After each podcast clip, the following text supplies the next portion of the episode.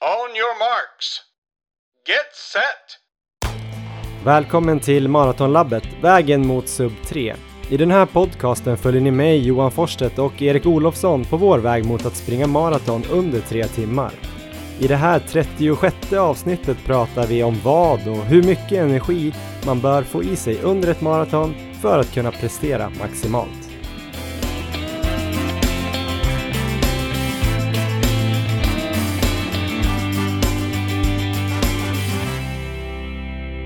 Hej Erik Olofsson! Det var verkligen inte igår vi spelade in podcast senast. Hej Johan! Nej, det var jättelänge sedan. Det här ska bli, det här känns kul.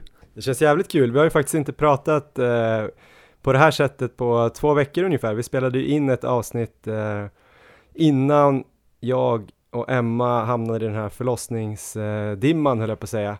Eller bebisbubblan kanske man kan kalla det. Precis. Eh, och så gjorde vi det lite i förtid och nu är vi ute ur den där bubblan lite grann, eller vi är fortfarande i den, men eh, spela in avsnitt 36 är det va? Vi har Ja. lite dålig koll. Jo men det är det, och det har ju hänt väldigt mycket får vi säga. Ja, det har hänt väldigt mycket. Vi tänkte bara inför det här avsnittet eh, prata lite om vad som kommer att hända i avsnittet, så att eh, ni som tycker att vi är skittråkiga att lyssna på kan ju hoppa framåt lite. Vi har bra grejer. Här i början kommer vi nog kanske komma in på det här då med förlossningen, kanske inte så mycket på förlossningen, men lite tankar, lite tankar kring, eh, kring så mental, eh, mentala aspekter och mantran och sånt där, eh, som jag tyckte var, man kan koppla till löpningen Just det. prata lite om hur jag fått till löpningen här med bebis. Erik ska avslöja om han överhuvudtaget kan springa Frankfurt eller inte. Han har gjort en jättekliffhanger. Kanske att hans knä är helt, helt paj. Ja, så kan det vara. Vi får se. Eller så är han i världens bästa form och har opererat in och här turboknä. Eh, sen har vi en intervju med Simon Gustafsson som pratar om energiintag för maraton. Och han pratar nästan en halvtimme om hur man ska lägga upp det på bästa sätt för att prestera optimalt med energi och han pratar liksom liquids och gels och koffein. Jäkligt bra guide. Den kommer ju lite senare. Sen kommer vi väl prata lite om hur vi kommer tänka kring energiintag eh, i Frankfurt och hur vi ska träna med energi inför och sen blickar vi framåt helgen som är riktigt så här tävlingsspäckad med Berlin maraton, Köpenhamn halvmaraton och Stockholm halvmaraton och kanske ett cyklarlopp här också då. inte riktigt lika stort. eh. Just det. Så det är ett späckat program och vi får väl se om vi om det här blir det längsta vi någonsin har spelat in eller om vi lyckas hålla nere det lite och vara lite konkreta. Vad tror du Erik? Jag tror det här kan bli nytt rekord. Jag tror det är ett bra, eh, ett, en bra episod för ett långpass. Ja, just det, precis. Och eh, för er som då hatar podcasts men ändå råkar lyssna på det här, eh, konstigt nog, ni kan ju bara gå in och följa oss på Instagram istället. Eh, Maratonlabbet heter vi där. På Strava lägger vi också upp eh, våra löppass och vi försöker skriva lite där, i alla fall jag försöker skriva lite där vad jag har gjort och så här hur jag tänkte. Eh, ibland kommer det lite så här eftersläpningar, alltså pass ramlar in några dagar efterhand och sådär. Men eh, man kan ju inte alltid vara perfekt, eller vad säger du Erik? Nej, precis. Jag har ju, det har inte varit så många pass för mig där på slutet, men det kommer vi komma in mer på. Ja, men vi drar väl igång då. Eh, Jag tycker vi börjar så här positivt idag och då tycker jag vi börjar med vad som har hänt dig de sista två veckorna. Ja, väldigt öppen fråga det där, vad som hänt mig de två sista veckorna, men eh, om vi fokuserar på att jag har fått barn Ja, så eh, har det varit eh, sjukt omtumlande två veckor. Eh, Elmer, som han heter, ja, är tio dagar gammal idag och ehm, det har varit helt fantastiskt att börja få lära känna honom, även om han än så länge inte har så många strängar på sin lyra. Han kan bajsa, skrika, hicka och, och nysa härligt. och rapa kan han också. Ja, Och sova ganska mycket. han, Men han är superdupergullig och eh, ja, det är lite som folk säger att man inte riktigt kan förstå känslan förrän man har känt den själv. Det känns liksom helt fantastiskt men också overkligt på samma gång. Ibland vaknar man upp och ser honom och tänker så här, det är något konstigt, varför ligger han kvar här? Det här kan ju inte vara min, samtidigt som man ju fattar att det är det. Så här. Ja, jag vet inte, det är svårt att för, förklara. ja, Men det har varit väldigt omtumlande med mycket nya saker som händer och eh, nya rutiner och lite sådär. Lite som vi snackade med Manne om. ja, vi fick ju mycket bra tips där. Känner du att du känner igen dig, vad han pratade om i det avsnittet. Ja, verkligen. Men jag vet inte om jag lyckats applicera alla tipsen eh, på mig själv än och på min vardag, men eh, jag känner igen mycket det här med att eh, jag borde ta tupplurar när han tar tupplurar och försöka ställa in mig efter vad han har för rytm. Ja, Det har ju gått sådär, det gick ju riktigt dåligt med det de första dagarna. Då kände jag att det här kan nog bli tungt med löpningen för att eh, han hade någon sån här tendens att förvandla sig till eh, nattmonstret, kallar vi honom. Så typ det här vid tolvsnåret blev han helt galen, fast han kanske redan hade ätit, han hade bytt, fått bytt blöja och allting. Så började han ändå skrika som en dåre och då jag tänkte att Emma skulle få lite avlastning så gick jag ut och tänkte att jag tar honom nu och i vardagsrummet och så får hon sova i sovrummet och sen kan jag, kan vi switcha lite när han har lugnat ner sig. just det. Så kan hon ta något nattpass typ. Men då var han helt, helt galen bara och då kände jag så här, det här kommer jag aldrig gå. Och så hade man inte sovit någonting på dagen för att, jag vet inte, kom inte riktigt till ro. Det är tråkigt att sova Ja, eh, på dagen tycker jag. ja, Så man är ändå så inställd på att sova på natten. Så det var lite jobbigt, men nu har han börjat få de här lite mer eh, griniga perioderna lite tidigare på kvällen och de är inte lika kraftfulla heller, så han blir lite grinig vid nio. just det. Men då, eh, då kan vi oftast nu få honom lugn där vid 11, 12 och sen har han ju nu börjat gå upp så mycket i vikt så att han, eh, ja, vi behöver inte väcka honom så här, typ efter två eller tre timmar och mata honom, utan han vaknar själv kanske efter fyra timmar. Ja, Och så kan vi mata dem. Så i bästa fall blir det liksom en matning på natten. ja men det måste vara helt okej. Ja, det tror jag är helt okej. Och då går jag upp oftast och byter blöja och väcker honom lite grann så att han ska orka käka. Och sen så kan Emma bara ligga kvar och så lägger jag honom typ bredvid så ligger de nästan och små sover där och så somnar jag om. Så om det funkar så, då har jag känt att jag håller mig ganska pigg och så kanske någon liten tupplur. Ja, men vi har ju, du och jag har ju pratat ganska mycket om det här tidigare när vi har pratat, men eh, jag tänkte du nämnde lite om mantran. Vill du återkoppla lite till det? Ja, det känns kanske lite futtigt att eh, koppla den här förlossningen eh, till löpningen, för förlossningen var ju bara förlossningen och det sjukaste som någonsin har hänt och att det funkar är ju helt, eh, helt galet. Att det funkar att man kan föda en människa ur en annan människa. Eller hur? Men det jag kände då var ju, för Emma fick ju verkar ungefär ett dygn innan vi kom in till förlossningen. Så hon hade ett helt dygn i, hemma med verkar ungefär var femte, sjätte minut som var ganska kraftiga ändå. De var ju inte så max, men det var ändå riktiga verkar. Eh, och sen var vi 15 timmar ungefär på förlossningen, så 39 timmar ungefär med typ ingen sömn, kanske ibland mellan verkarna lite grann så dåligt med, med mat och sådär för att hon hade för ont för att äta ibland. Men eh, 13 maraton helt enkelt. ja, 13 tre, sub 3 maraton ja, men precis så kändes det och eh, jag var så sjukt imponerad hur hon liksom hanterade det. Eh, med alltså, pyttelite hjälp av mig då, just att försöka få henne att komma in i det här när hon tappade, men hon hade så grymt bra fokus och det var bara, vi hade läst en bok som heter Att föda utan rädsla som verkar vara ganska populär. Och där pratar de mycket om tankens kraft och andningens kraft och röstens kraft och sådär. Att man kan påverka kroppen med att man andas ljudlöst, man så slappnar av axlar, käke, man blir liksom tung, man jobbar neråt i, i sig det. själv.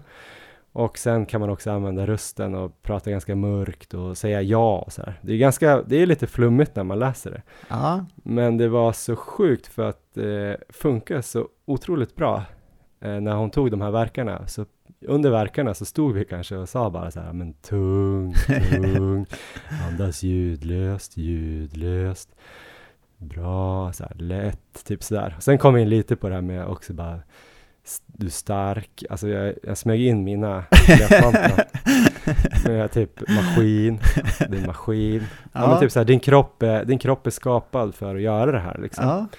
ja, Då, men hon var så här, så lugn och fokuserad. Jag hörde hur folk skrek så här, såna här avgrundsvrål i, i de här rummen bredvid i förlossningskorridoren där. Folk som gick upp sig i falsett och, och enligt den här boken är det det värsta man kan göra för att man blir liksom, eh, tappar lugnet, man spänner sig, det typ gör ännu ondare, man kan inte fokusera, man, ja, man blir o, o, ja, men rädd helt enkelt. just det. Eh, och då funkar allting mycket sämre. Så jag är otroligt imponerad över hur hon kunde hålla det här fokuset och jag känner att det måste ju på något sätt gå att överföra till min Frankfurt Marathon. Ja. Kanske inte att jag ska allt för mycket, alltså börja tänka mig tuff, tuff, slappna av. Alltså det kommer inte funka, men, men just att kanske stå emot så här smärtan som Ja. kommer komma någonstans eller känslorna att jag bara vill sluta för att jag tror Emma sa kanske två gånger att nej men det här kommer inte gå. Men Ja. det kändes aldrig som att det var en sån här övertygande så här att hon verkligen inte skulle kunna fortsätta. Just det. Eh, och jag tror att, det- att mycket handlade om det här med de här mantrarna och, och, och just bara rikta tanken mot det här enda målet som skulle göras, att han skulle ut liksom. Ja.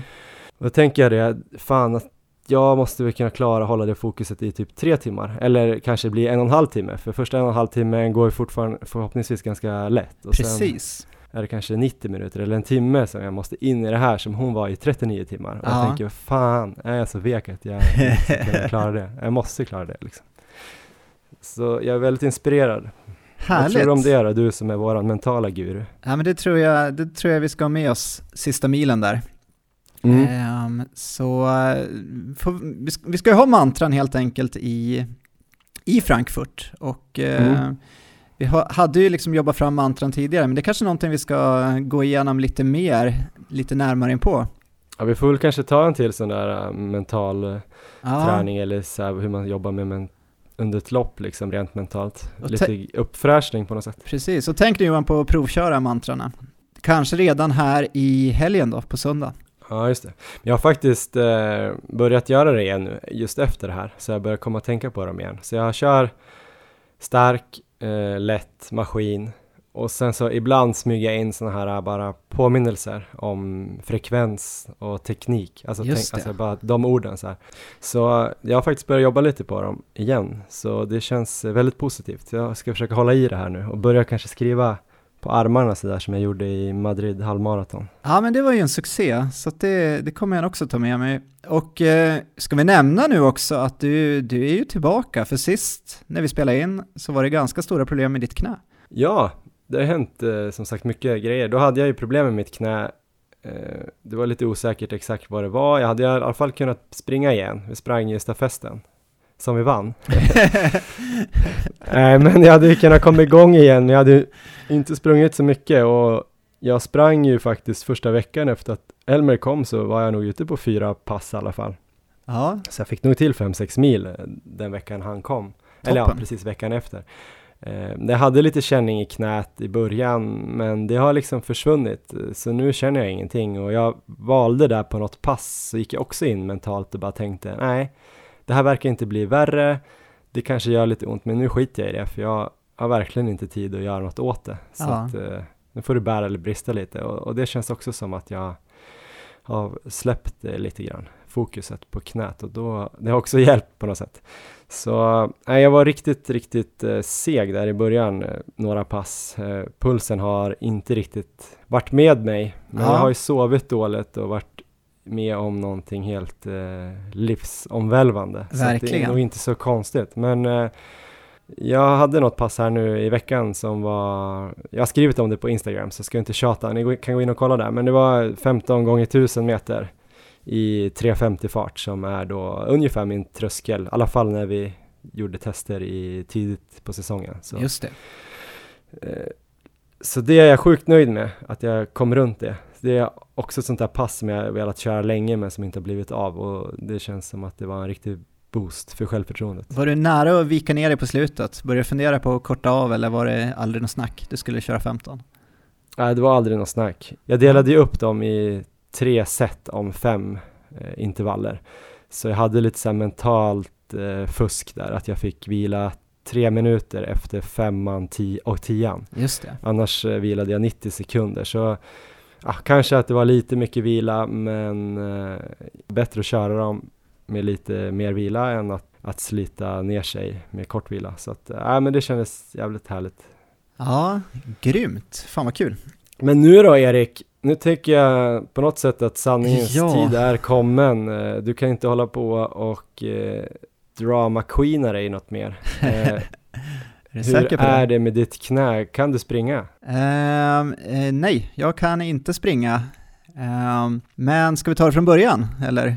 Ska jag berätta, berätta vad som har hänt? För sist vi pratade så, så rullar det på jättebra. Jag tror du jinxade mig ganska bra där förra avsnittet när du sa att det är jag inte ett dugg orolig för, typ tre gånger.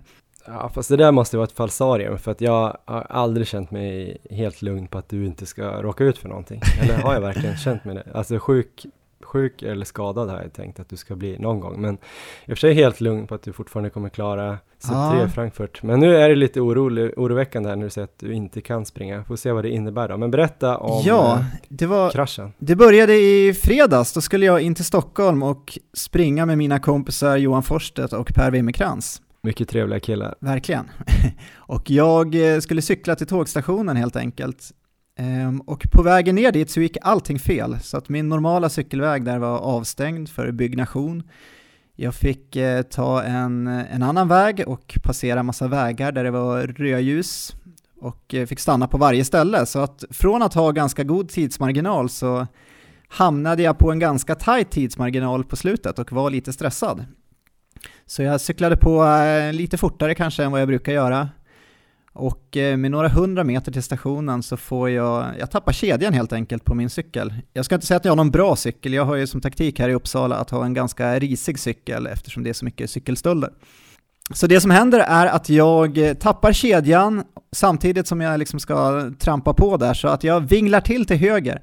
Och där står en bil parkerad och mitt eh, högra styre, eller högra delen på styret ska vi säga, träffar backspegeln på den här bilen och det tar tvärstopp i princip. Eh, backspegeln flyger iväg säkert 20 meter och jag flyger över styret.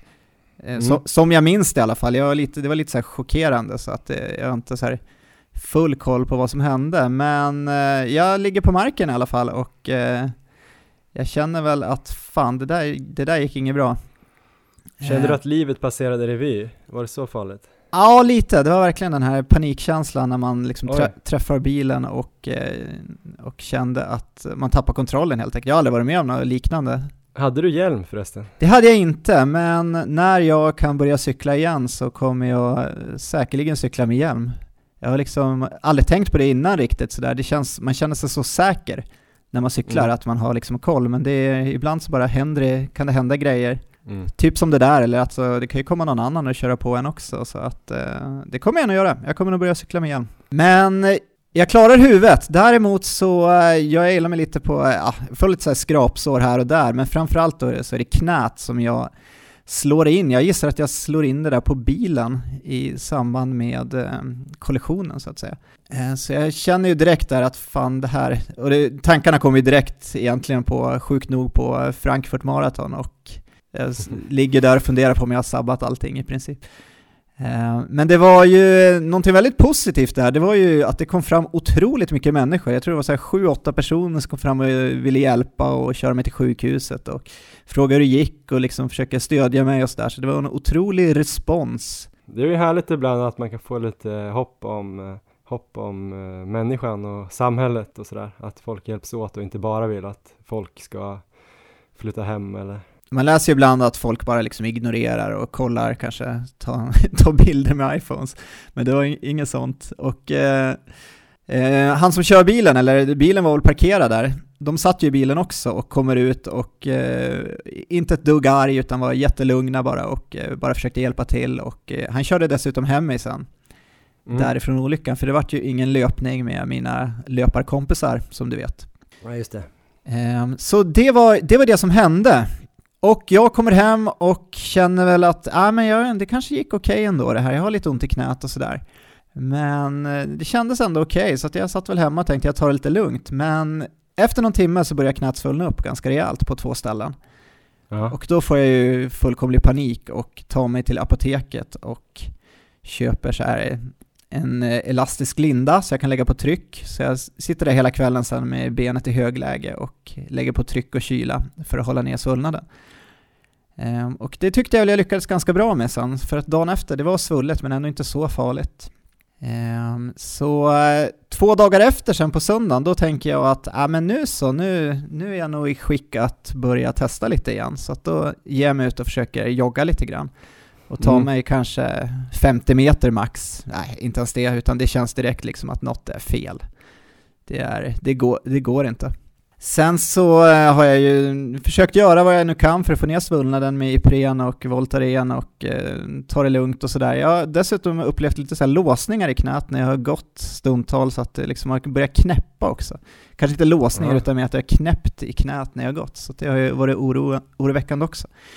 Och det är kanske något man kan läsa om när man har meniskproblem eller om man liksom får någon så här låsning eller knäpp, då kan det vara menisken tänker man. Eller? Precis, precis så. Um, så, igår i alla fall då kände jag att, äh, men, för jag har lite tänkt så här att det spelar ingen roll att, om jag ska gå och kolla det eller inte för att ehm, um, då kan jag ändå inte göra någonting inför Frankfurt, jag kör på och sen så får vi se, så får jag ta det efter. Men jag kände nu att det liksom är tillräckligt kanske illa för att gå och kolla det, så jag ringde sjukgymnasten och fick tid på en gång.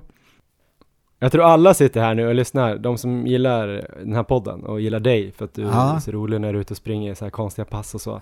Sitter bara och tänker, men vad fan, okej, det var en bra historia. Men vad är det med knät?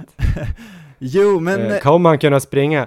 Och sen så kom jag här och avbryter också, så nu är väl de ännu mer. Men jag känner verkligen så, hur är det med knät? Vad sa han eller hon? Det här avsnittet börjar bli väldigt långt också. Men eh, jo, så att jag åker till sjukgymnasten och jag ska väl säga det att jag har haft enorma knäproblem tidigare. Ja. Eh, jag har ju eh, dragit av korsbandet i mitt vänstra knä två gånger och korsbandet på mitt högra knä har jag också dragit av tidigare så att eh, det var ju väldigt länge sedan nu men jag har ju en väldigt stor skadehistorik. Mm. Och nu var jag hos sjukgymnasten igår och det har visat sig att nu har jag även dragit av, nej det har jag inte alls, utan det, det ser bra ut Johan. Det ser ut som att eh, jag ska kunna börja kanske träna nästa vecka. Eh, jaha, ett stort jaha. Det visste väl alla eller? Ja, Att du du hade redan läst av den här bluffen, har jag sett i sms. Så. Eh, Så, eh, är det. Nej men det, jag var där och han körde massa tester, jag fick göra lite sådana här benböj och grejer som jag ändå kunde utföra ganska bra. Och sen så var han och böjde och kände väldigt mycket så eh, Mm. det, ja, det är inga meniskskador trodde han och inga ledband eller korsband. Sen så, jag har fått fel diagnoser förut på knän så att det är inte så att jag kan lita 100% på att, för någonting är ju liksom, det är ju verkligen, det är ju fortfarande lite svullet och det är inte nära Ja. att jag kan springa nu. Men jag har fått en plan som bygger på att jag ska kunna börja cykla på gymmet, eh, lite lugnt. Och eh, tisdag nästa vecka, nu är det torsdag idag, så tisdag nästa vecka ska jag få börja gå ut och prova att jogga lite. Ja, okej. Och funkar det och rulla på så ska jag kunna ha ungefär en sån här uppstartsvecka som du har haft. Ja men vad bra. Ja, så det, jag är, det var otroligt skönt alltså. Jag vågar liksom inte riktigt ta ut något i förskott än, men att det inte ser ut att vara några allvarliga skador är ju fantastiskt. Då lever ju hoppet. Hoppet lever. Och, Och eh, eh, den här fantastiska dramaturgin med alla motgångar och framgångar och när folk börjar räkna hem din sub 3 eh, så går, är det någonting som går dåligt och så är vi nere i någon dal igen och så klättrar vi upp och så det är perfekt ju, ovisst in i det sista. Ja, vi får väl, eh, ja men det känns ju lite så för båda nu så att eh, vi får försöka få ner någon under sub 3 i alla fall, så får det väl ses Ja. som en succé. Det är lite som i Breaking 2 där, när Kipchoge till slut Ja just det. nästan gjorde det. Ja, nästan. Jag, jag, jag gillar, vi, vi måste ju klara det. ja.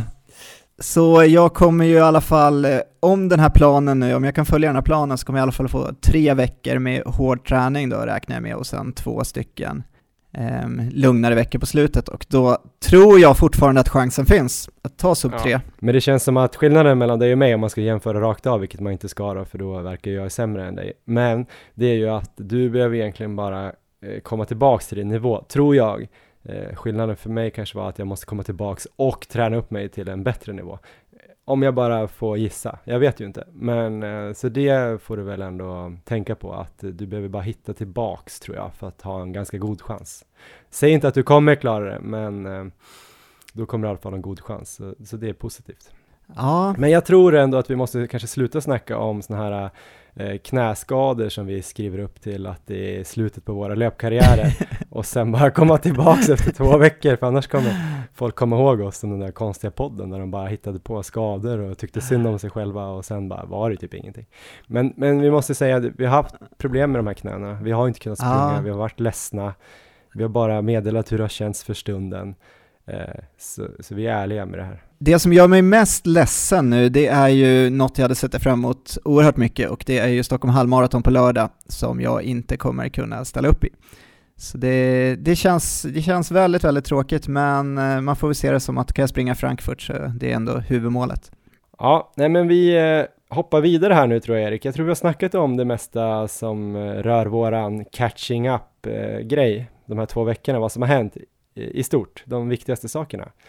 Jag tror att vi måste kasta oss in i intervjun och nu kan vi göra det och båda kan lyssna och lära sig för att båda ska springa Frankfurt Marathon då. Eh, vi har alltså intervjuat Simon Gustafsson eh, som dels gör bloggen och podden Prestera Mera och han driver ett företag som heter Umara som säljer eh, liksom, energi och sånt där för löpning. Så inte helt opartisk intervju, men han är väldigt duktig och insatt i de här ämnena. Så vi har pratat om hur man ska tänka kring sitt energiintag på maraton. On your marks. Get set. Ja, men då välkomnar vi Simon Gustafsson eh, igen. Hur är läget? Ja, det är lysande, det är lysande mannen. Tack så mycket för att jag får komma. Ja, men det är skitkul. Eh, Du var med i ett avsnitt här i våras när vi pratade lite om kramp och eh, riktat mot mig då som hade, har haft stora problem med kramp. Nu tänkte vi att vi skulle snacka lite energiintag för maraton. När det här sänds har vi i princip sex veckor ganska exakt till Frankfurt och det kan ju tyckas långt att börja tänka på energi redan nu, men jag har ju tänkt att jag måste börja träna på min energiplan så att jag verkligen klarar av den på Frankfurt och testa lite vad som funkar med magen och sådär. Är det för det första, är det en bra plan att tänka lite så lite innan? Ja, men absolut. Alltså, de allra flesta, um, alltså majoriteten tränar inte med, alltså tränar, tränar inte på sin plan egentligen när det kommer till energi. Oftast om, om, om, man ska snudda på vad man tränar på så är de, en del går väl upp på kanske distans eller, eller snuddar lite grann där, för det pratade vi om förra gången också, att man, man, bör, in, man bör ha träningspass som är upp mot 4-4,5 mil inför maraton, anser jag. Um, om än långsamma för liksom att verkligen lära sig distansen. Och sen bör man också liksom springa med energi, inte på alla passen utan på lite nyckelpass. Jag brukar säga två till tre gånger i veckan sista månaden. Och då handlar det inte om tre gäll i timmen utan det handlar om kanske två gäll under ett långpass bara för att liksom inta energi under aktiviteten så att kroppen liksom lär sig att ja, eh, reglera upp blodtillförseln, öka effektivisering utav, tarm, eh, utav tarmmembranet. Så att en månad kvar, då är det liksom högt läge att verkligen börja effektivisera detta. Um, jag menar den snittmotionären får i sig ja, mellan 30 och 40 gram kolhydrater på ett maraton ifall de liksom ändå dricker energi på stationerna, liksom har med sig ett par nödraketer. Men alltså eliten, om man, om man ska ta liksom de som jag coachar nu i helgen, hade vi eh, Frida Eriksson, eh, eller Frida Södermark, Fritjof eh, och Elof Olsson som körde 100 kilometer i Kroatien. Alltså de, de, de, de får mellan 80-90 gram kolhydrater i timmen upp till 120 gram kolhydrater i timmen. De är otroligt strategiska, alltså otroligt strategiska. Så de får i sig, liksom, alltså redan efter fem minuter så knäcker de en gäll. Just det. Och det, det, de här grabbarna, eller personerna, de springer ju maraton, alltså, alltså Elof springer maraton sub 240 på vatten liksom. Så att, så att han är ju, det känns ju inte som att han behöver det, men han vet att det är då han presterar. Så en månad kvar, definitivt börja träna på det. Just det. Men om man då kanske redan nu börjar tänka, om man ska lägga upp en plan för Frankfurt, om mm. man kanske börjar dagen innan tänkte vi att vi ska snacka om. Och eh, jag vet inte, spelar det stor roll hur, hur mycket man väger och sådär? Jag tänker att vissa tjejer som lyssnar på det här väger kanske bara ner mot 50. Jag, väger, jag och Erik väger ju typ 70 båda två. Mm. Bör man tänka något sådär? Det finns säkert löpare som väger mer än oss också. Så. Ja, är, är man någorlunda alltså, normalviktig kan man väl säga, eller normal kroppsfettsammansättningsmässigt så, så, så kan man, ska man tänka 10 gram kolhydrater per kilo kroppsvikt. Så, så för dig så blir det ju 700 gram kolhydrater. Och, och direkt så kanske man börjar zooma ut, men hur mycket är det egentligen då? Och då, då, då säger jag verkligen till folk, liksom, men vänd på, på produkterna hemma du har i kylskåpet eller i skafferiet. Och så börjar du liksom bara fram med papper och penna och räkna lite på det.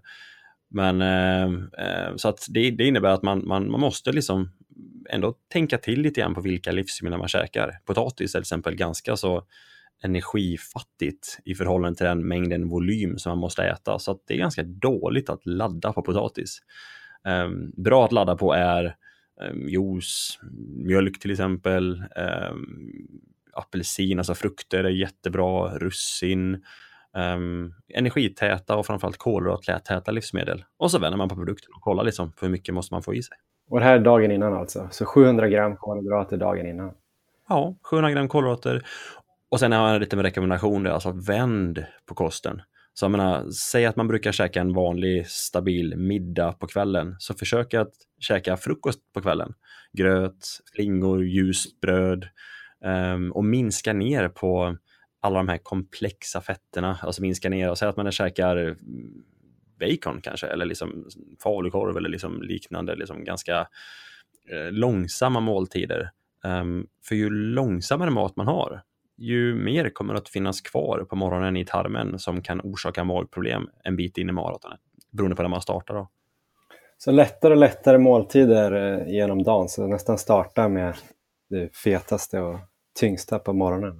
Ja, men lite så, liksom, så att man kan käka en stabil frulle liksom, med mycket nötter och sånt där, om det är sånt man äter, mycket ägg och liknande. Och sen så på kvällen så blir det liksom flingor och ja, alltså marmelad och det, det kommer kännas jättekonstigt, men, men det, det här går fort för kroppen att bryta ner och ta upp. Sen kommer magen vara tom på morgonen. Och en tom mm. mage orsakar mycket mindre problem, eller mer sällan problem än en full mage. Just det. Är det något mer dagen innan här man ska tänka på? Behöver man ha i sig någon annan typ av tillskott eller liknande? Eller? Nej, nej, det behöver man inte göra. Man bör, man bör givetvis testa detta. Alltså, 10 gram kolhydrater per kilo kroppsvikt. De allra flesta ligger med en husmanskost mellan 5 och 7 gram kolhydrater. Ehm, så låt oss säga att du ska få i dig 700 gram. Multiplicera vi 700 gram med 4 kalorier för att få det per vad, vad varje gram kalori äh, varje gram kolhydrat innehåller så blir det 2800 kalorier.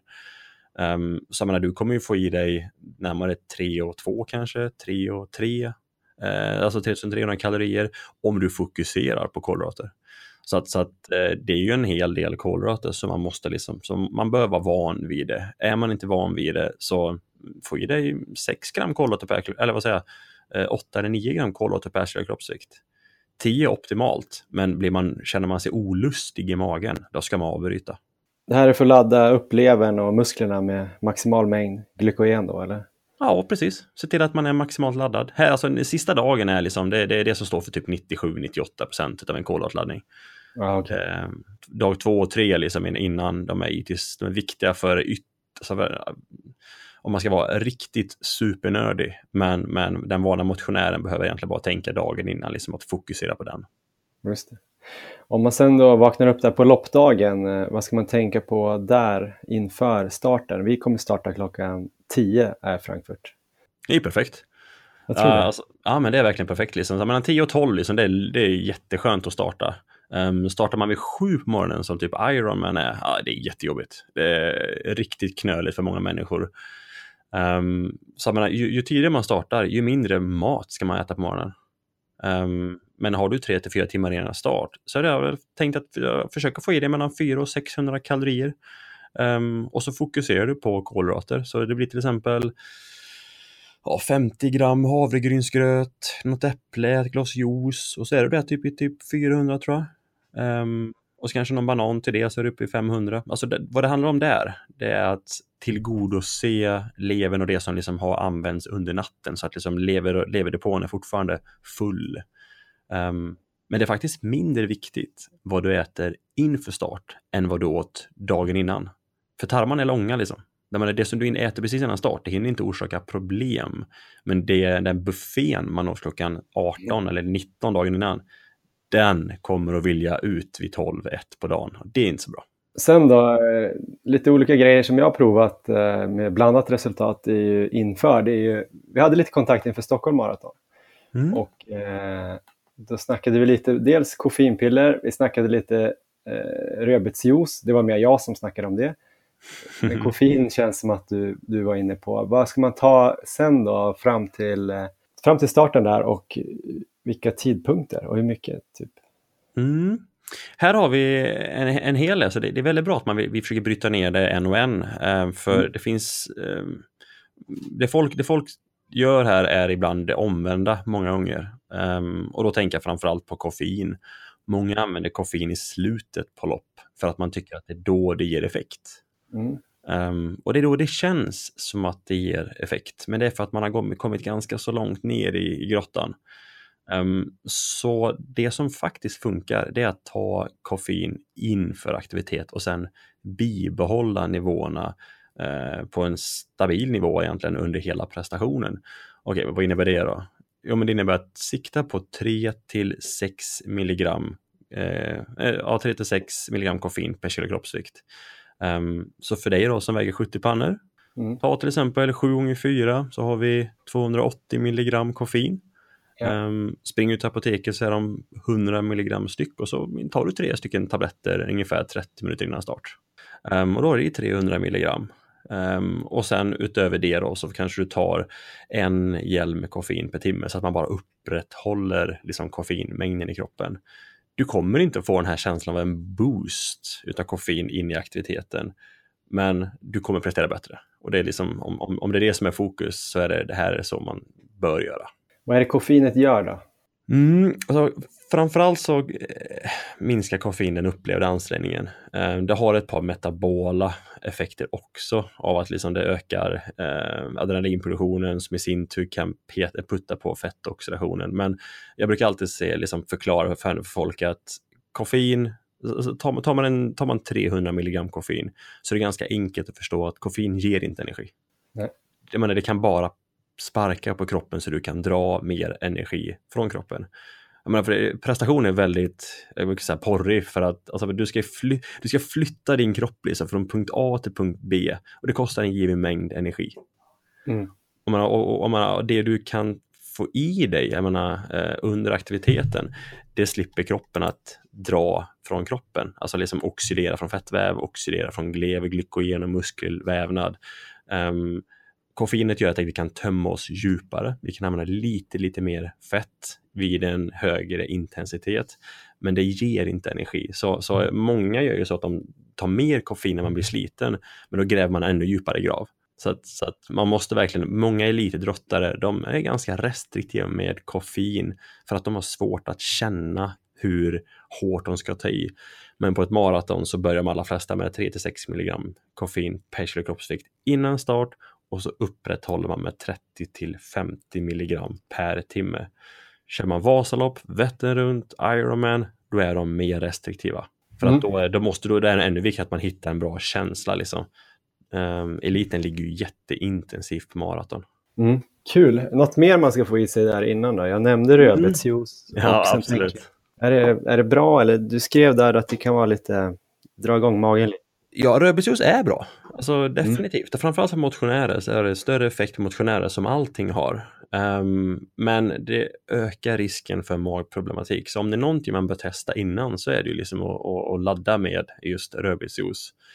Ehm, och här behöver man ha ungefär 5 millimol eh, nitrat eller liksom, ja, nitrat för att kunna få en effekt, effektiv dos.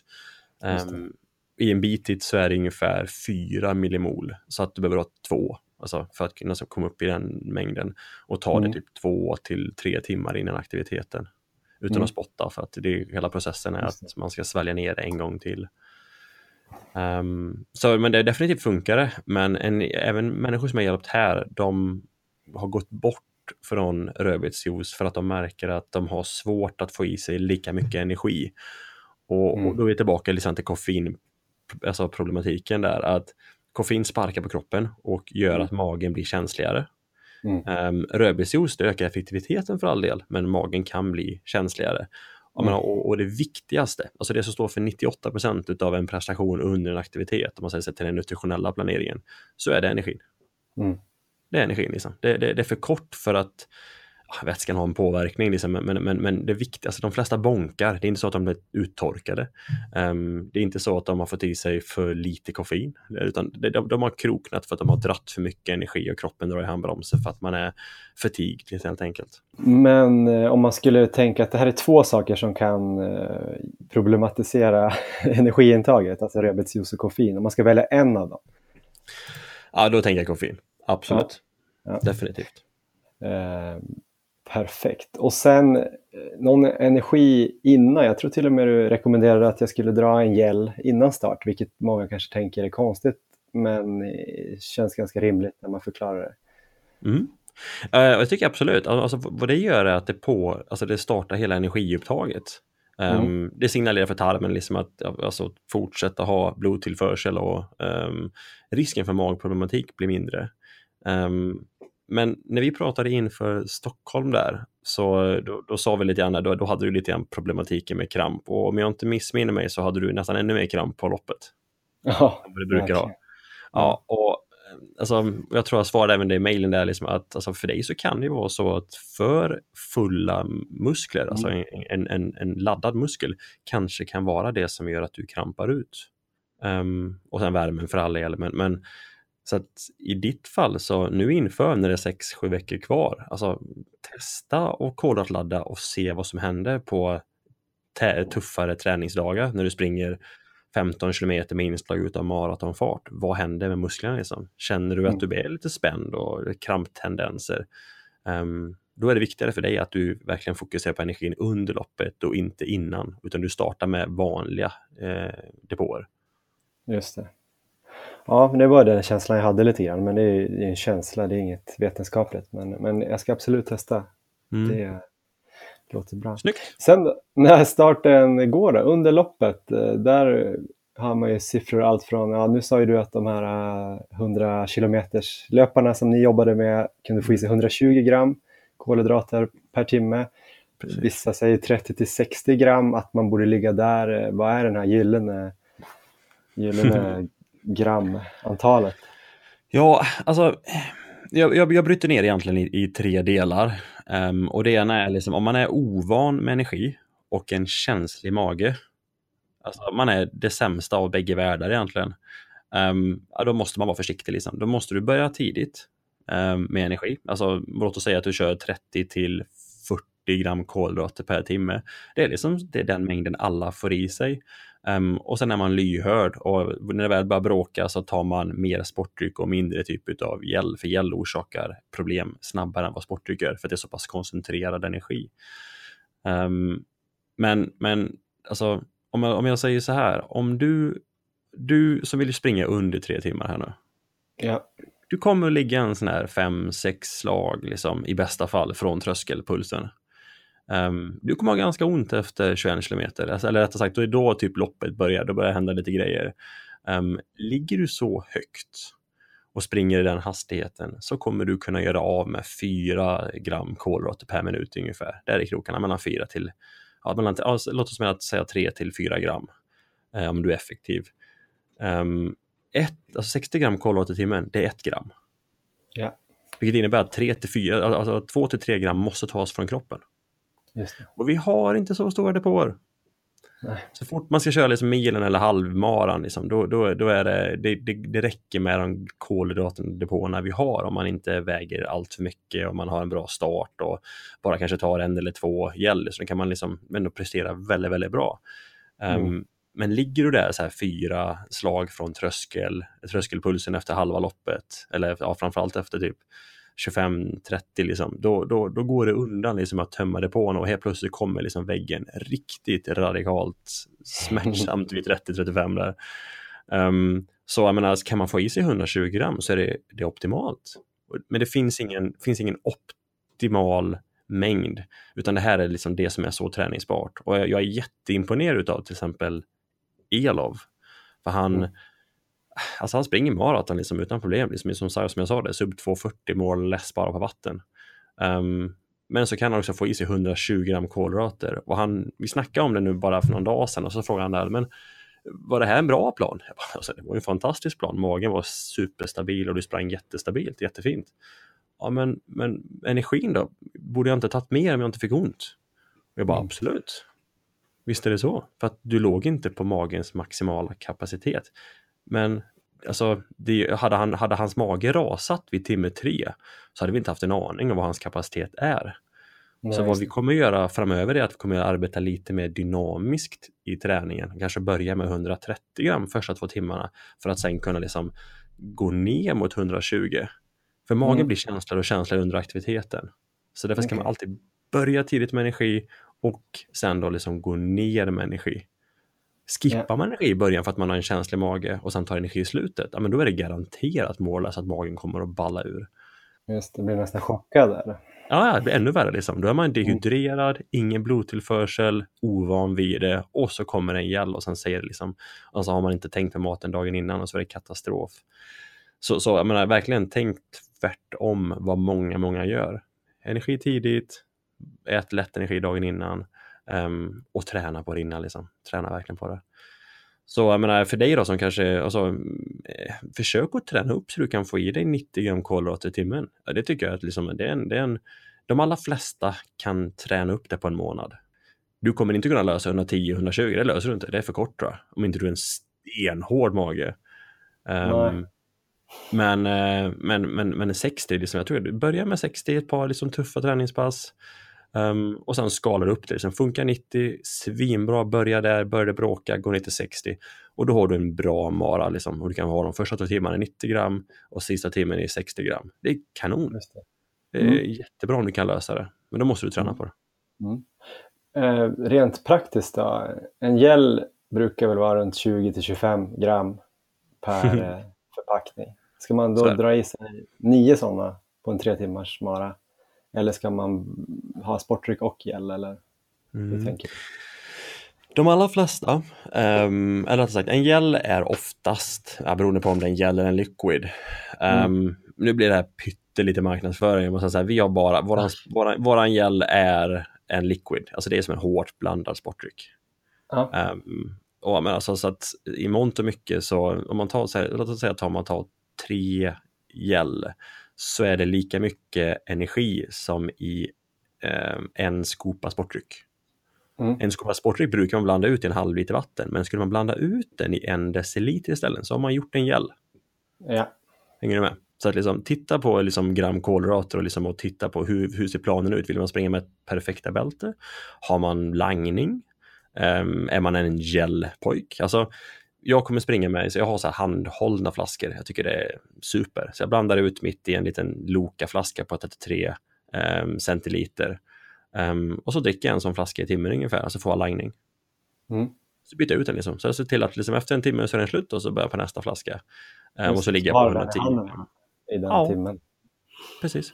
Vissa kan vara flippbält eller sådana här, såna här liksom perfekta bälte kan också ha, vet jag, väldigt många gamla triatleter använder Mm. Typ, eh, eller många, många löpare använder de perfekta bältena och det är lika bra det. Så du kan ha ett, en halvtimmes i en liten flaska eller liksom en timmes koncentration.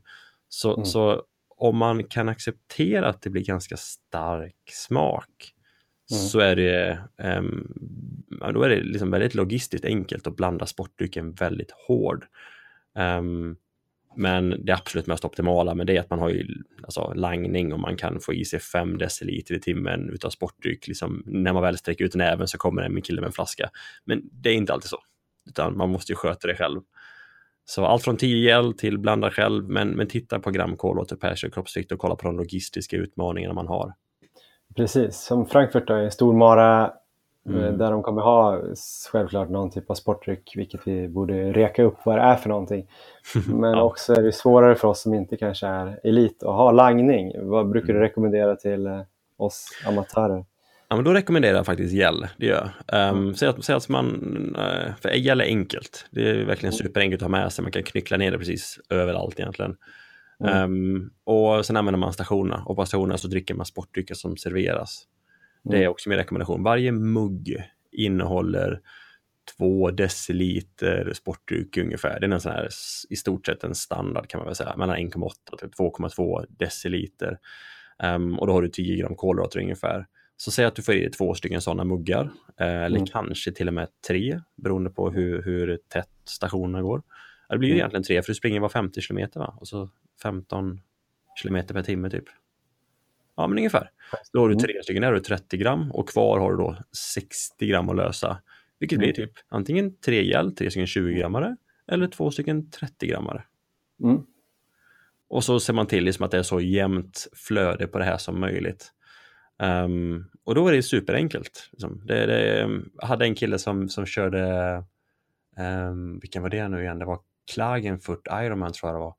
Um, och han hade ett racebält i T2 efter att han hade kört, kört cyklingar på 18 mil. Så sprang han in i T2, han knäppte på sig ett racebält som var kittat med, med, med 10 stycken gel och så uh, tog han två stycken i näven. Så han sänker fyra gel i timmen. um, han kom in på, liksom, så på, på tre timmar precis efter maratonet, en jättefin prestation. Men återigen, alltså, han har ju tränat på det. Liksom. Så de flesta två till tre i timmen och använder stationerna, det är en väldigt bra energiplan. Väldigt, och hög. Så att det, det, det, är hög risk också om inte man har tränat på det.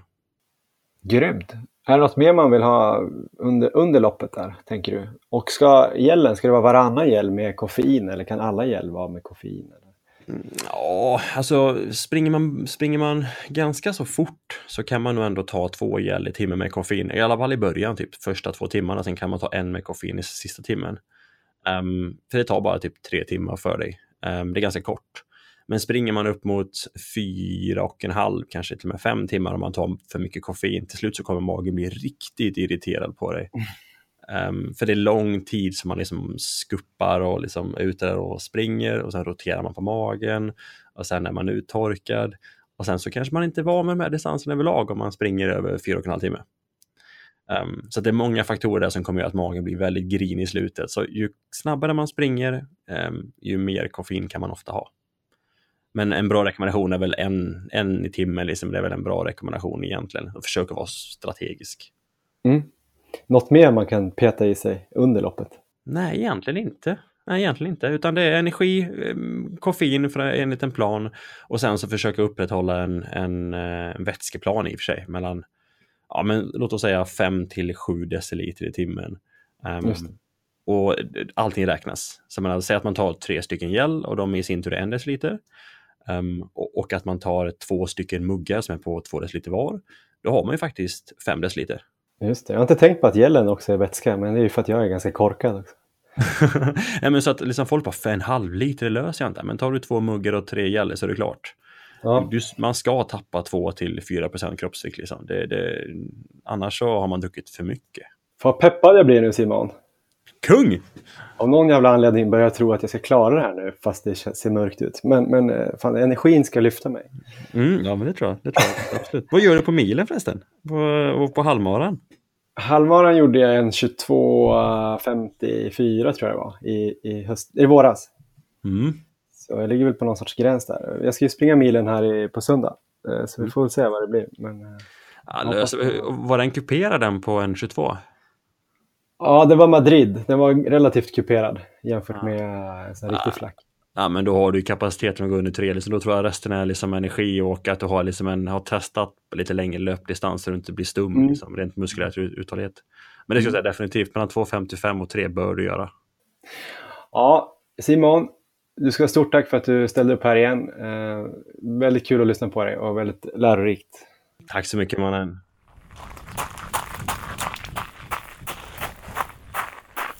Ja, men det där var alltså Simon Gustafsson om energiintag för maraton. Vi pratade lite om energiintag under tävling med Linda Backman i våras också, så vill man ha ännu mer kött på benen kan man lyssna på det avsnittet. Eh, Simon var ju väldigt ingående i den här intervjun. Man märker att han är passionerat intresserad av det här med prestation och hur man maximerar den med hjälp av energi bland annat. Ehm, vad tänker du kring det här Erik? Vad kommer du ta med dig framförallt? Hur kommer du lägga upp eh, Frankfurt som du ser det nu och hur kommer du träna med den typen av energi fram eh, de här sista 6-7 veckorna?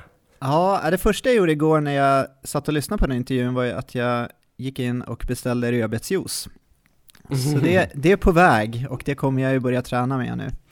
Ja, Ehm, så att jag hinner testa magen på det. Just det. Sen så har jag haft lite olika funderingar, men eh, just nu så lutar det åt att jag kommer att springa med Generation You Can. Just det, det har vi pratat om tidigare också. Kortfattat Erik, du behöver inte göra rent vetenskapliga definitionen eller förklaringen, men, men vad, är det, vad är det går ut på? Vad är det? Man tar, man tar en produkt som kallas Superstars och man dricker en shake helt enkelt på morgonen och sen så ska det släppas ut kolhydrater med ett jämnt flöde i blodet där så att man inte Ja. behöver inta, inta energi hela tiden. Så, Så i teorin då kanske man tar, eh, man skulle kanske kunna ta 180 då eh, kolhydrater, gram kolhydrater som man drar i sig innan loppet och sen sipprar ut genom hela loppet istället exakt för så, att fylla på 60 gram i timmen så här, med massa olika grejer hela tiden. precis. Så man bara slipper tänka på det. Ja, i Och- teorin. Och det här kommer jag testa mer nu inför så att det verkligen liksom känns bra. Men jag har ju haft, jag har haft två olika långpass som jag egentligen la upp på samma sätt. 35 kilometer som var 25 kilometer lugnt och sen 10 kilometer i marafart. Och det första passet så körde jag helt fastande Mm. och gick in i väggen efter kanske 27-28 när jag var eh, när jag just kom in i marafarten där. Just det. Sen körde jag veckan efter, då tog jag Generation Yukon, så här två skopor, det är väl 180 gram tror jag. Mm. Och eh, körde samma pass som veckan innan och eh, tog mig hela vägen utan några större problem. Ja, så jag fick, Inga dippar. nej precis, så att jag fick verkligen känslan av att ah, men det, det gör skillnad. Så att eh, innan var jag lite osäker på om det verkligen skulle kunna fungera. Och magen klarade sig också bra kändes det som, för det är jag också lite så orolig för hur det ska gå med den biten. Men jag kommer definitivt testa det några mer, speciellt de här hårdare, vi har kört det medellånga passet som jag kallar det för, som jag ska gå upp nu i marafart. Och eh, på Mm. det så tänkte jag definitivt testa det också då och ehm, se hur det går med det. Men just nu så är planen att jag kommer köra det i Frankfurt om allt liksom rullar på och jag inte får några magproblem och sådär. Och sen bara dricka vätska då, eller dricka vatten helt Ja, enkelt. bara vatten. Jag ska ta det här och sen dricka vatten och sen så möjligen på slutet då, för det kan, det ska väl räcka ungefär två, två och en halv timme tror jag. Så att eh, på slutet om jag känner att jag får någon dipp, eh, många rekommenderar att man ska göra en gel av den här Generation Yukon, men eh, det har jag haft lite problem med när jag har provat själv. Så det är möjligt att jag tar, intar någonting, typ någon banan eller liknande bara på slutet. Just det. Så, så, Mm. så ungefär tänker jag. Men hur många gånger till tror du att du kommer testa det här på träning inför Frankfurt? Ska du göra det varenda gång du kör de här medellånga, hårda marafartspassen? Ja, det kanske blir på, eh, precis, så att tre gånger till ungefär tror jag jag kommer testa. Eh, Mm. Under de här tre hårda veckorna som jag har kvar då så, så eh, testar jag det och rödbetsjuice och hoppas det. att det, det ska fungera. Mm. Men du har ju, spännande. ja, du har ju lite annorlunda upplägg. Eh, Jag kör allt eh, hela tiden och så ser jag vad som händer. Eller vad menar du? Ja, jag tänker eh, mot mig. Du ska ju börja med gels redan innan loppet nu då. Ja, men det kanske jag kommer göra. Jag har ju testat egentligen energiintag bara två gånger under det här året och det var ju dels halvmaran i Madrid och sen eh, inför Stockholm Marathon. Eh, och i halvmaran i Madrid så tyckte jag det var helt perfekt. Då körde jag rödbetsjuice två, tre timmar innan loppet och sen käkade jag kanske gel om det kanske blev 45 gram per timme. Ja, Men då ska man ju komma ihåg att halvmara är en helt annan distans än mara. Eh, man kommer ju aldrig upp i det där att man eh, får slut på sina glykogenlager eftersom jag sprang bara i 82 minuter eller något och det brukar ju räcka då. Så det, går, det är svårt att jämföra rakt av. Stockholm var ju en smärre besvikelse, katastrof kanske. ja. Då körde jag också ganska hård eh, kolhydratuppladdning som vi var inne på i intervjun här, att jag fyllde ganska på ganska bra dagen innan. På morgonen innan så drack jag också kolhydratsblandning innan. Jag käkade en eller två rödbetsjuice och tog koffein. Precis så där som vi pratade om. Eh, tog en gel innan loppet startade för att få igång den här eh, få igång upptaget. Och sen så följde jag ganska bra, men min mage blev ju inte nöjd på mig. eh, efter kanske två mil. Så Just jag var ju det. på toa två gånger faktiskt. Så, och jag fick ju kramp tidigt, så min känsla är ju att jag var ja, för fylld av energi och vätska inför loppet, så att det hjälpte mig att få kramp tidigare. Plus att det var så himla varmt, så det är svårt också med det, det, det loppet, för det var him- himla varmt, så det var så konstigt att jämföra. Men jag kommer definitivt skruva ner kolhydratuppladdningen, om jag ens kommer göra någon Ja, ordentlig. Jag kommer nog bara se till att jag har ätit bra de sista veckorna. Jag tror inte jag kommer gå runt och dricka i mig, få i mig extra kolhydrater. Jag tror inte jag pallar det. just det. Eh, och sen loppet eh, och här träningen inför, då ska jag nog testa Alltså jag får väl nog, det är svåra med det här med testningen är ju, vad är det som retar upp magen eventuellt? Det är ju liksom, det är svårt att ha så många test som man alltid kan ta bort eh, någonting. För egentligen borde jag köra något pass där jag kör koffein och eh, gels och sånt där. Ja, Och sen ett med rödbetsjuice och gels. Och ett med koffein, rödbetsjuice och mindre gels. Och så här, du vet, alltså prova mig fram. just Jag har det. inte riktigt den tiden, men, men jag ska nog testa något pass i alla fall där jag kör både rödbetsjuice och koffein och sen eh, drar ungefär 45 till 60 gram kolhydrat per timme. Ja, Eh, där tror jag att jag kanske vågar ligga och sen tar jag med en massa toapapper på eh, rundan. och sen kanske jag eh, tar bort rödbetsjuicen och eh, testar eh, med bara koffein någon gång eh, och gels och sånt där.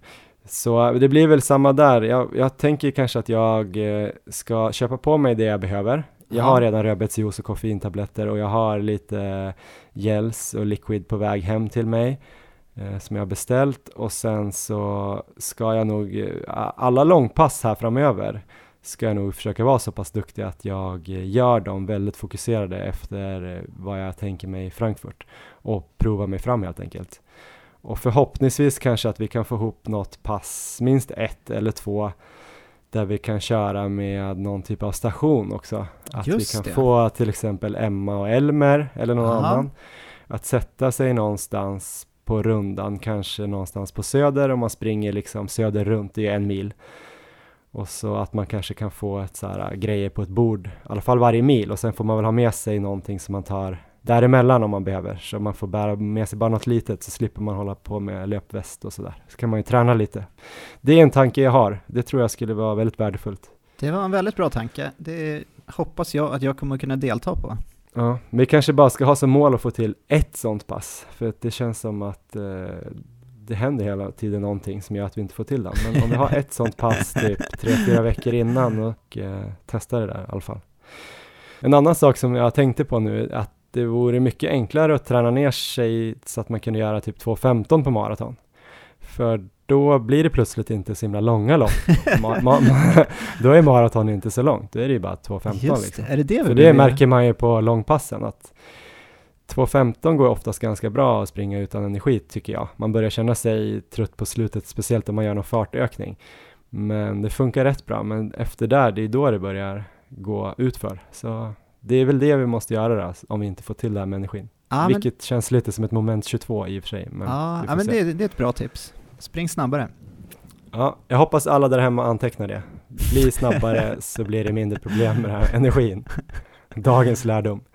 Ja, nej, men jäkligt intressant och sjukt viktigt tror jag. Så att nu gäller det att vi blir väldigt fokuserade på alla detaljer för att eh, fixa det här. Så eh, det tar vi med oss.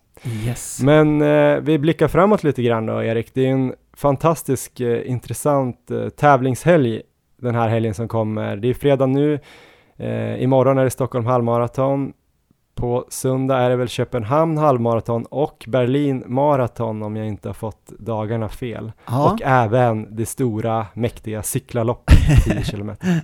ja, Men eh, jag vet inte, du hade tänkt att springa Stockholm halvmaraton. Nu antar jag att det inte blir något sånt för dig i år. Hur Det blir känns inte. det? det känns fruktansvärt. Det känns riktigt, riktigt, riktigt hemskt. Jag hade sett fram emot det riktigt mycket. Halvmaraton är ju som min, eh, på något sätt min distans, där jag känner att Ja. det, det är kanske min bästa distans. Maraton är ju min sämsta distans på något sätt, men det är ju också den största utmaningen. Eh, Mm. Så jag hade vä- väldigt gärna velat göra en halvmara i år. Vi får se om det går att lösa på något annat sätt kanske, men Jag är besviken men eh, stort lycka till till alla lyssnare som ska springa. Ja, det är ett häftigt lopp. Jag ska försöka komma ut och heja lite. Uh, får se om ni ser mig stå och skrika någonstans på Söder kanske. Jag får vara glad för att mitt uh, Marathon Labs halvmara-rekord då står sig ett tag till. Det gör det definitivt. Uh, uh, en 22.54. Det hade du kanske knäckt med någon minut eller två eller tre. inte. kanske inte. Um, det ska bli spännande. Berlin Marathon är ju många som ska köra. Lycka till till alla där också. Vi har inte så mycket jag har inte så mycket förhandsinfo om det loppet mer än att det, jag har sett många i vår, eh, vår feed på Instagram som verkar träna för det. Man ser på Strava och sådär och det är så sjukt kul och inspirerande. Jag hoppas att några av er som också går för sub 3 klarar det så man får lite boost där. Ja, verkligen. Eh, och Köpenhamn halvmaraton eh, är ju ett grymt eh, snabbt halvmaraton som jag fattar det. Skulle Mikaela springa där? Mikaela springer i Köpenhamn ja, och ja. Eh, Camilla Elofsson som också sprang med oss där på, på stafetten springer i Berlin. Så stort lycka Just till det. till båda dem. Ja, det blir skitkul att följa våra superhjältinnor från stafetten. Ja, men det, fan vad kul. Ja. Det ska jag följa det där med eh, så gott jag kan då, eftersom jag själv ska ju springa eh, klockan 12 tror jag det är på söndag. Cyklarloppet 10 kilometer. Det är asfalt, grus och brygga. Spännande! Träbrygga. Ja, det ska bli kul. Det är ju mina hoods typ. Alltså jag bor ju på Söder och ganska nära Hammarby sjöstad. Så det startar här i Sickla köpcentrum och så är det någon snurr runt där och sen är det runt Sicklasjön och så Hammarby sjöstad och tillbaka. Så det kan vara lite små kuperat, alltså inte som kuperat som är jättejobbet, men lite så här upp och ner. Det blir lite tempoväxlingar och sen är det ju lite brygga där då, som vi får se. Men jag tror det kan passa mig att jag får tänka på något annat och att jag eh, inte bara behöver mala på, på asfalt hela tiden. Du är ju grym när det är kuperat. Det såg vi både i Madrid och uppe i fjällen. Ja, just det. Så att eh, vi får väl se. Jag vet inte om jag vågar sticka ut hakan innan eh, det här passet 15 gånger 1000 så var jag lite så här, ah, jag får se om jag springer. Men det var ju det var ju typ det som har fått mig att få lite självförtroende. Jag gjorde också 10 gånger 1000 bara två dagar innan ja. på söndagen och då kändes det eh, okej. Okay. Så då bestämde jag mig för att anmäla mig för det var sista anmälningsdagen. Och sen så fick jag ju till det här riktigt bra passet så nu börjar jag känna att uh, jag kanske vågar sikta på lite snabbare tider. 37,5, vad tror du Erik? Alltså du brukar ju sätta så snälla målsättningar tycker jag. Ehm, så jag skulle vilja verkligen höra att du sticker ut hakan och verkligen säger vad du tänker själv nu. Vad har du för målsättning på söndag? Uh, vad, vad kommer du gå för? Ta mig runt. det är så det brukar äh, låta. Och ja, men kan inte du sätta snabbt. ett mål då, som du tror på? Som du skulle kunna spela, sätta pengar på men till ett hyfsat bra oddsen då? Att det inte är helt säkert. Alltså jag tänkte så här. Jag har inte sprungit snabbare än 38.23 eller något sånt där som jag gjorde i fjol i Paris. Just det, just det. Och så, men det, det kändes ju, ja men det var ett bra lopp i fjol men jag hade inte tränat lika mycket. Jag tyckte att jag kanske hade lite mer i mig. Så jag tänkte inför i år så har jag sagt så här, jag ska ha under 37,5 på ett ja. lopp. Och då kanske jag tänkte att jag skulle springa Hässelby eller något. Och det kanske är lite snällt med tanke på att det är helt rakt och jag har ju tränat så mycket. Men, men vad tror du då Erik? Du tänker kanske att jag ska slå, slå dina tider eller? Nej, alltså det vore, det vore jättekul om du gör det. Det vore fantastiskt, men eh, ja, du har haft lite problem på slutet, men definitivt 37,5 kommer du, det tror jag definitivt du har goda möjligheter att gå under. Sen så kanske ett bra tempo att lägga sig i och sen bara ösa på slutet, sista kilometerna, för där kan du säkert plocka mycket om du känner dig stark. Mm. Jag ska ju heller inte lägga om träningen så himla mycket, för jag känner ju att jag behöver de här långpassen med lite marafart. Så jag kommer nog lägga in ett sånt i, imorgon fredag då, på morgonen. Ja. Och sen kommer jag vila lördag. Så det är väl den liksom, uppladdningen jag kommer göra. Eventuellt att jag är ute och joggar lite och kör lite stegringar. Men jag ska se till att jag verkligen får de här viktigaste passen. Och, så det kommer inte bli en riktig full eh, formtoppning. Men eh, jag tror jag kanske kommer försöka gå ut i 3.45 tempo, ish. Ja. Och eh, sen får vi se vad som händer andra halvan. Så om jag lyckas springa 3.45, 3.48 snitt typ halva, då får jag väl vara nöjd med det och sen öser jag. Det tycker jag låter fantastiskt bra. Kul! Verkligen! Ja, men eh, då säger vi så. Under 37,5 på söndag för mig. Ja, Och lycka till till alla som ska springa i Köpenhamn, Berlin och Stockholm. Ehm, vi får väl eh, höras lite mer på Instagram om hur det har gått för både er och eh, för mig. Vi heter Maratonlabbet där och eh, det vore kul om ni skriver där eh, hur det har gått och vad ni siktar på och sådär. Vi kan skriva någonting där också så efterlysa lite målsättningar och tankar kring loppen. Det vore kul. absolut. Och annars så får vi väl avsluta nu. Så Det är nog dags, tror jag. Det har varit vecka. långt. ja, jag tror verkligen det. Att det är dags att sluta prata. Men vi kommer tillbaks eh, på måndag eller tisdag kan ni se våran träning för nästa vecka på Maratonlabbets Instagram och Strava kan ni kolla upp om vi följer träningsprogrammen eller inte. Så vi hörs om en vecka Erik. Ha Härligt. det bra och krya på dig. Jajamän, lycka till.